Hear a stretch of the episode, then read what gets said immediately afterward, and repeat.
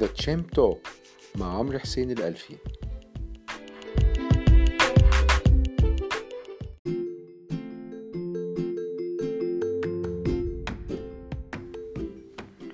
بسم الله الرحمن الرحيم. أهلا بيكم في حلقة جديدة من البرنامج الاسبوعي The Champ Talk معاكم عمرو حسين الألفي من Market Champ. في الحلقة الأسبوع دوت بنستكمل كلامنا عن القيمة العادلة. كنا الأسبوع اللي فات اتكلمنا عن القيمة العادلة والفرق بينها وبين سعر السوق. وقلنا ان القيمه العادله طبعا بيتم تحديدها من عن طريق كذا نموذج للتقييم زي نماذج التدفقات النقدية المخصومة. ممكن نحدد القيمه العادله عن طريق إن إحنا نشوف سعر السهم مقارنة بأسهم أخرى في نفس القطاع أو في السوق نفسه وبنقارن الكلام ده كله بسعر السوق. ولكن قلنا في مشكلة طبعا إن سعر السوق ممكن ما يوصلش للقيمه العادله لفترة طويلة. على سبيل المثال ممكن تبص على أسهم أنت بتراقبها وتشوف توقعات المحللين وتقييماتهم لهذه الأسهم وتلاقي إن مثلا سهم معين المحللين الماليين بيقيموه let's say بيقيموه 15 جنيه. وسعر السهم في السوق بيتراوح تاريخيا في آخر خمس سنين ما بين مثلا 8 جنيه ل 10 جنيه. ما بيوصلش ما بيعديش ال 10 جنيه بحاجة بسيطة وتلاقيه بعديها على طول نزل تاني لقرب ال 8 جنيه. فإزاي السهم بي... المحللين الماليين بيقيموه 15 والسهم عمره ما بيوصل ل 15 ديت. طبعا زي ما قلنا قبل كده إن في عوامل كتيرة بتأثر في سعر السهم في في البورصة أو في السوق عامة زي أي سوق. إحنا قلنا في السعر التوازن هو ال equilibrium price اللي بيحدد اللي بيتم تنفيذه في السوق. هو بيوازن ما بين عشان كده سميناه سعر التوازن هو بيوازن ما بين قوى العرض وقوى الطلب. طبعا كل ما زي أي اقتصاد وزي أي سوق لما يبقى قوى الطلب أعلى من قوى العرض اللي بيحصل طبعا إن سعر البضاعة ديت أو الخدمة بيرتفع. في طلب كتير على مثلا منتج معين نفترض مثلا رز مثلا فتلاقي إن سعره بيزيد لأن هو المعروض قليل مقارنة بالطلب. نفس القصة لو لقيت الأسعار بتنخفض في بضاعة ممكن يكون ناتجها فعلا إن أنت المعروض عالي جدا فبالتالي بيخلي المنتجين ينزلوا بالسعر علشان يقدروا يبيعوا. نفس القصة هنا في في البورصة. بتلاقي إن لما يكون الطلب على السهم عالي أعلى من المعروض فبالتالي سعره بيرتفع للناس كتيرة وأكتر من اللي عايزين يبيعوا عايزين يشتروا. فبالتالي سعر السهم بيرتفع والعكس صحيح. لما تلاقي ناس كتير عايزة تبيع السهم لأي سبب ما ممكن عشان في تخوف من السوق ممكن يكون عشان تخوف من الشركة نفسها أو أدائها المالي مش كويس فبالتالي بيحصل انخفاض في سعر السهم.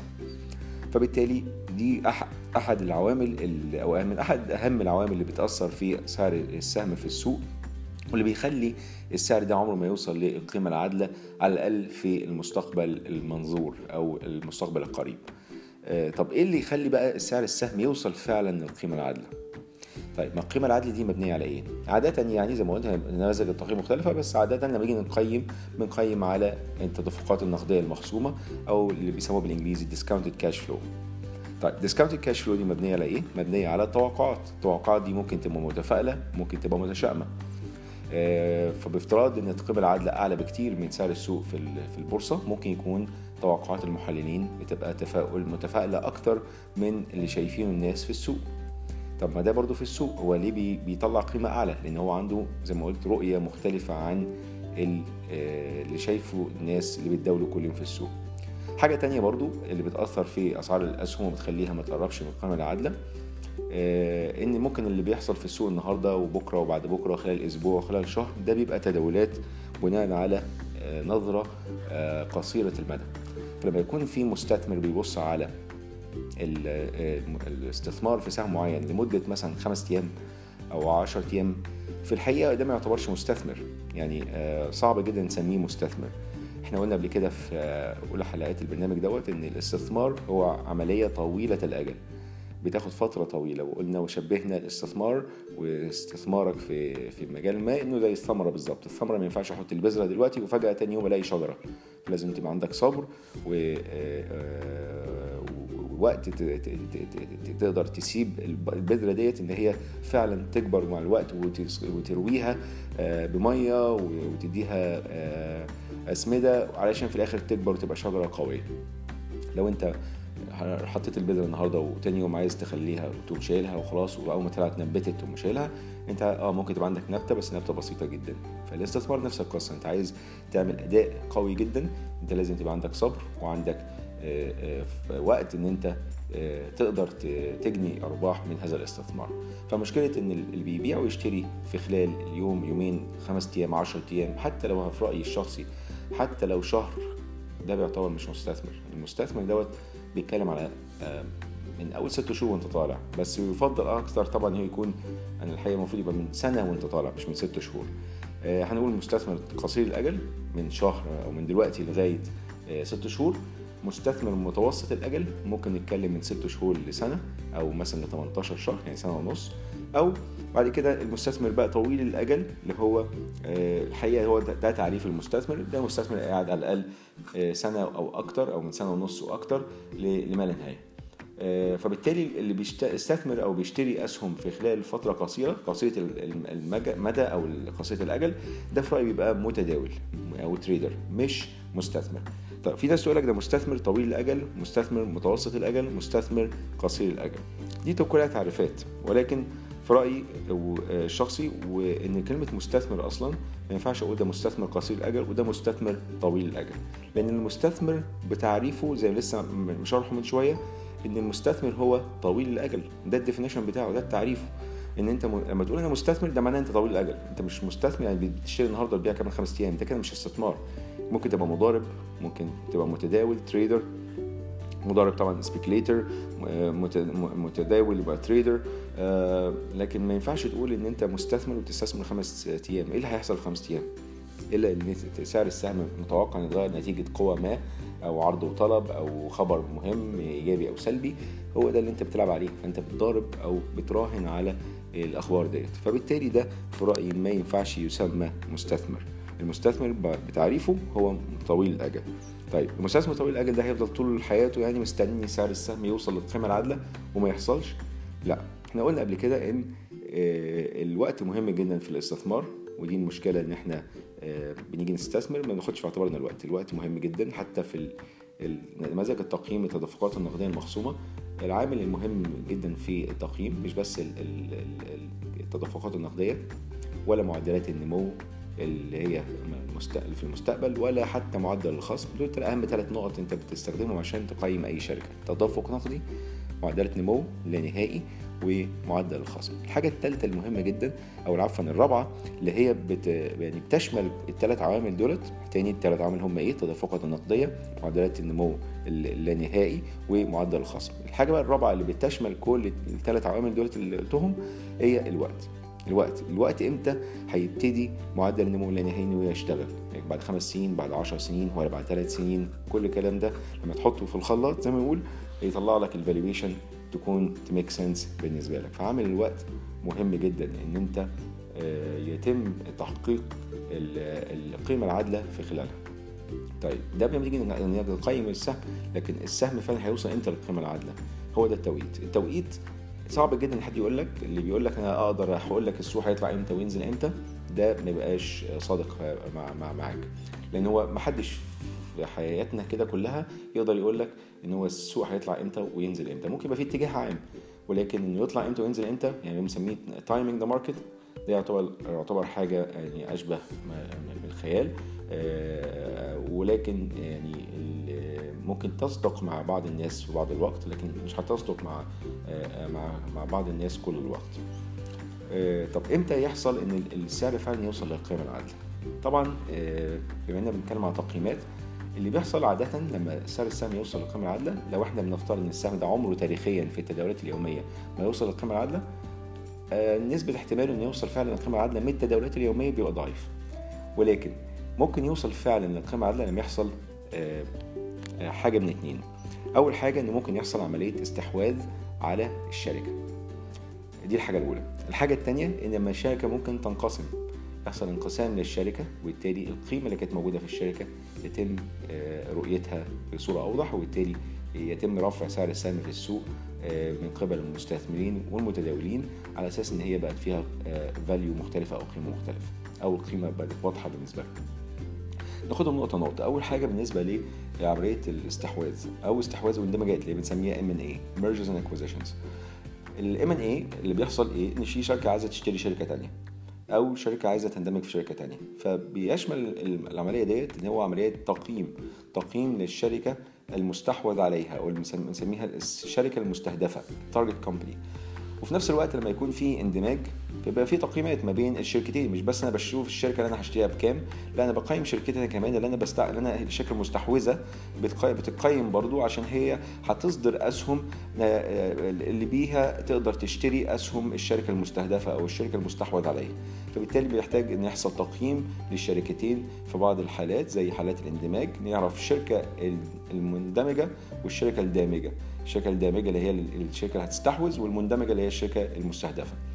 فدولت يعتبروا لما يبقوا في كيان واحد في الآخر بيتم تقييم الشركتين بتقييم آه، بناء على طبعا توقعات المحللين الماليين اللي إحنا كنا بنتكلم عليها. ولكن المحللين الماليين بيشتغلوا طبعا تبع المستشارين الماليين للشركتين الشركة اللي عايزة تستحوذ والشركة المستهدفة. فبيتم طبعا كده يتم تقييم هذه الشركات وعادة هيبقى يتم تقييم هذه الشركات ممكن يكون بالسعر أعلى من سعر السوق زي ما المحللين الماليين التانيين اللي كانوا في شركات السمسرة بيقيموا الأسهم بسعر أعلى من سعر السوق ساعتها بيحصل إيه؟ بيحصل إن سعر السهم يعني بيستجيب بطريقة إيجابية لعملية الاستحواذ ديت تلاقي سعر السهم يرتفع بصورة كبيرة. ممكن يقرب من سعر الاستحواذ اللي هيتم عليه نتيجة طبعا التقييم وبالتالي يحصل الطفرة ديت. ده اللي بنسميه هنا الكاتاليست أو العامل المحفز المحفز اللي هو يخلي سعر السهم فعلا يوصل أو يقرب حتى من القيمة العادلة اللي إحنا طالما كنا مستنيينها إن هي توصل لها أو السعر السهم يوصل لها ولكن ما كانش بيحصل. فهنا العامل المحفز بتاعنا كان إن في عملية استحواذ أو اندماج بتحصل على الشركة اللي بنتكلم عليها ممكن فعلا ت unlock ال value أو تخلي الناس تشوف القيمة فعلا في الشركة ويتم ارتفاع ويكون رفع للسعر السهم في السوق نتيجة هذا هذه عملية الاستحواذ. على سبيل المثال آه، الفترة الأخيرة في السوق المصري كنا الناس كلها بتتكلم على سهم جلوبال تيليكوم وإزاي إن آه، سعر السهم ممكن يساوي أكتر بكتير من سعر السوق. وبالرغم إن كان في عرض شراء على السهم بأرقام كبيرة زمان كان 7 جنيه 90 وبعد كده سعر العرض الشراء نزل ل 5 جنيه 30 لكن تيجي تبص على سعر السهم في السوق ما كانش بيجيب حتى 5 جنيه كان تحت ال 5 جنيه والناس بتتداول على 4 جنيه 60 4 جنيه ونص في الحدود ديت.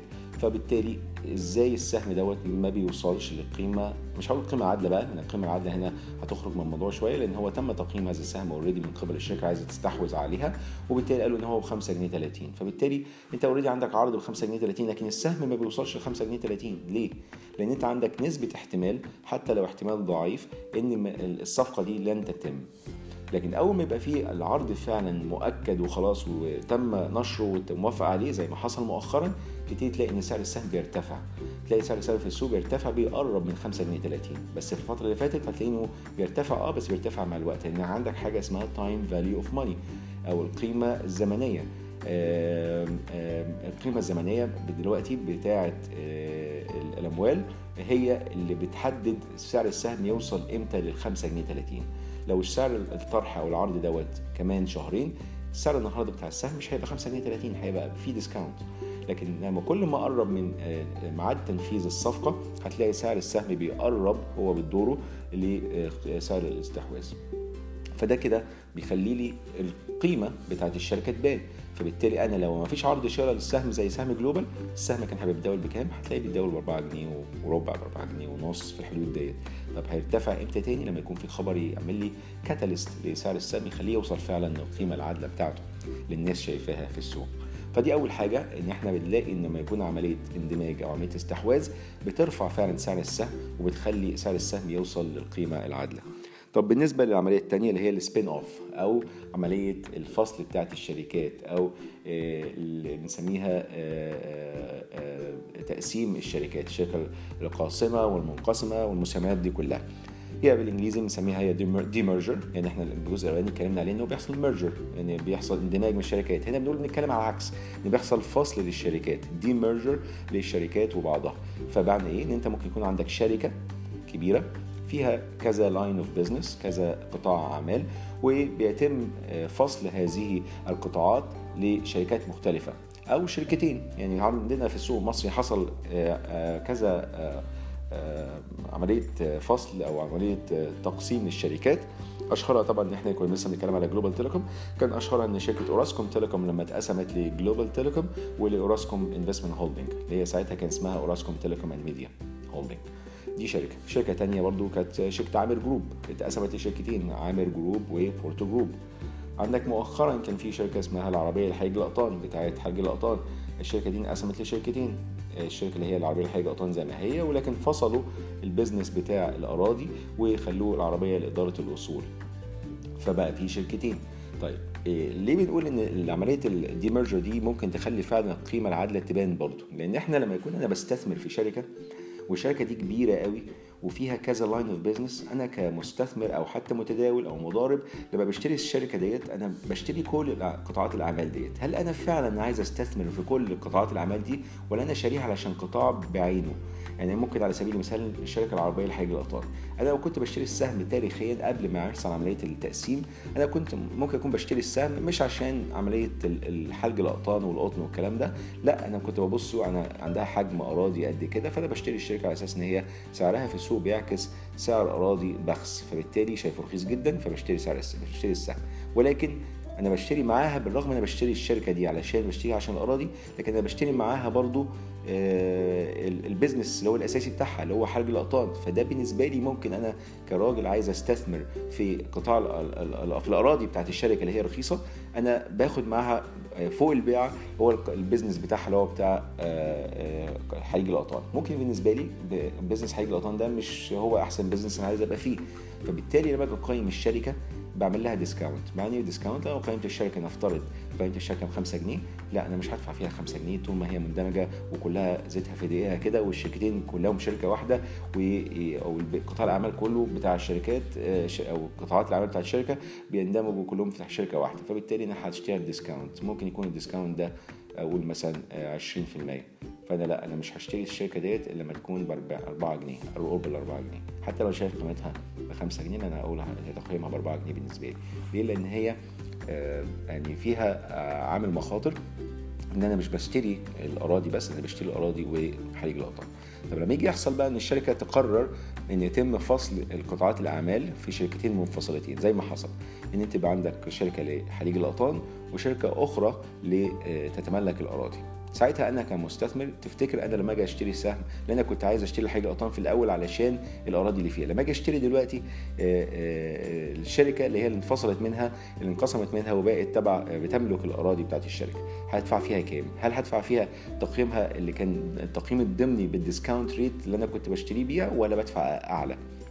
طبعا أنا بكون حصل فصل للشركات ال discount اللي أنا كنت بشتري على أساسه قبل التقسيم ده هيروح مني خلاص أنا مش ه apply خلاص ال discount ده لأن خلاص الشركة بقت واضحة جدا بالنسبة لي دي شركة أراضي ودي شركة حليج بقى في شركتين في سهمين لما أجي أشتري شركة الأراضي أنا هدفع فيها مش هقول هدفع فيها premium ولكن هدفع فيها سعرها اللي أنا كنت مقيمه على أساسه من غير ما أخصم أي خصم خالص ولا أي أنزل أي discount من القيمة.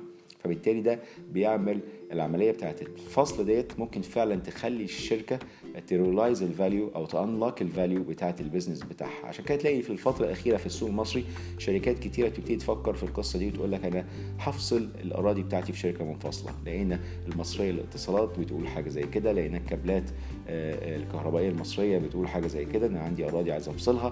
فليه بيعملوا كده؟ علشان عايزين يبينوا القيمة بتاعه الأراضي بتاعتهم فتبقى منفصلة. فاللي عايز يشتري الأراضي دي جماعة ليها شركة منفصلة خش اشتري الشركة دي. ما تضطرش أنت تشتري ال business ككل وت apply discount عشان انت مش حابب تشتري ال business ككل انت عايز تشتري الأراضي. فانت لما بتفصل الشركتين لشركتين أو ثلاثة أو أربعة وأكتر بتبين القيمة. ودي الحاجة الجميلة في ال finance عامة وال investments إن انت مش زي ال accounting 1 plus 1 بيساوي 2 أو بيساوي 2 آه لا انت هنا ممكن تلاقي ان 1 plus 1 بيساوي 3 إزاي؟ إن أنت لما فصلت ال business مجموع الأجزاء اللي هو مجموع الشركات المختلفة ممكن قيمهم تساوي أكتر من الشركة ككل، الشركة الأم كانت بتساوي 100 مليون لكن لما فصلناهم ممكن الشركة تساوي كده على بعض اللي هم الشركتين اللي انفصلوا يساوي مثلا 150 مليون، ال 50 مليون جنيه الزياده اللي جت دي جت منين؟ نتيجة ال discount rate اللي قل فبالتالي كبر القيمة بتاعه الشركات المنفصلة. فكده برضو لما يحصل حاجات زي كده ده بيعمل طبعا realization لل value بيخلي المستثمرين يشوفوا القيمة العادلة الضمنية اللي كان المحللين الماليين عمالين يتكلموا عليها وسعر السهم لا يعكسها بالمرة فبالتالي أنا كمستثمر أنا بشتري السهم ساعتها لما يحصل التقسيم دوت. على حسب طبعا فرق تسعير السوق والفرق بينه وبين القيمة العادلة اللي شايفها بقى للشركه المنقسمة. وساعتها احقق ربح من هذا سوق التسعير ما بين الشركات وبعضها. فبالتالي ده تاني كده تاني عامل أنا ممكن أستخدمه أو تاني طريقة ممكن أستخدمها علشان يحصل realization للقيمة العادلة للسهم إن هي فعلا سعر السهم يوصل للقيمة العادلة أو للقيمه العادلة. يعني إيه تاني؟ يعني أول حاجة ال M and A يحصل عمليات دمج واستحواذ والطريقة الثانية يحصل عمليات فصل الشركات. دي بتساعد على إن الشركة يتم الاستحواذ عليها. طبعا ال M and A مش لازم تحصل في الشركة بتاعتي برضو. يعني ممكن ال M&A اللي بتحصل ديت ال M and A تحصل في نفس القطاع ولكن في شركة أخرى بيتم إعادة تسعير الأسهم المختلفة في نفس القطاع بالقيم الجديدة بتاعت عملية الاستحواذ ديت فممكن الشركة بتاعتي اللي هي في نفس القطاع يتم إعادة تسعيرها برضو بعلاوه الاستحواذ اللي بيتم دفع دفعها أو سدادها من قبل المستحوذ على الشركة الأخرى وبالتالي أنا سعر السهم بتاعي يرتفع معاه يعني لو أنا في قطاع لتسي الاتصالات وفي حد هيشتري شركة منافسة ليا بسعر معين بشوف والله الشركة دي كده اتباعت بكام يبقى أنا شركتي المفروض لو هيحصل عملية استحواذ عليا أنا كشركة بتاعتي يبقى أنا المفروض اساوي كذا رقم أعلى من سعر السوق. ده ممكن برضو يساعد على يكون عامل محفز إن يرفع قيمة القيمه السوقية بتاعة الشركة بتاعتي عشان تقرب من القيمة العادلة. بكده تكون انتهت حلقتنا الأسبوع دوت. يا ريت تتواصلوا معانا كالعادة على talk at marketschimp.com talk t a l k at marketschimp.com ابعتوا لنا كل الأسئلة بتاعتكم أو استفساراتكم أو رايكم حتى في الحلقات السابقة وتتوقعوا لو عايزين حاجة معينة نتكلم فيها الأسبوع الجاي أو الأسابيع القادمة إن شاء الله. برضو قولوا لنا رأيكم و ورد فعلكم. كان معكم عمرو حسين الألفي من ماركت شيمب لكم مني أراكم نياتي والسلام عليكم ورحمة الله وبركاته.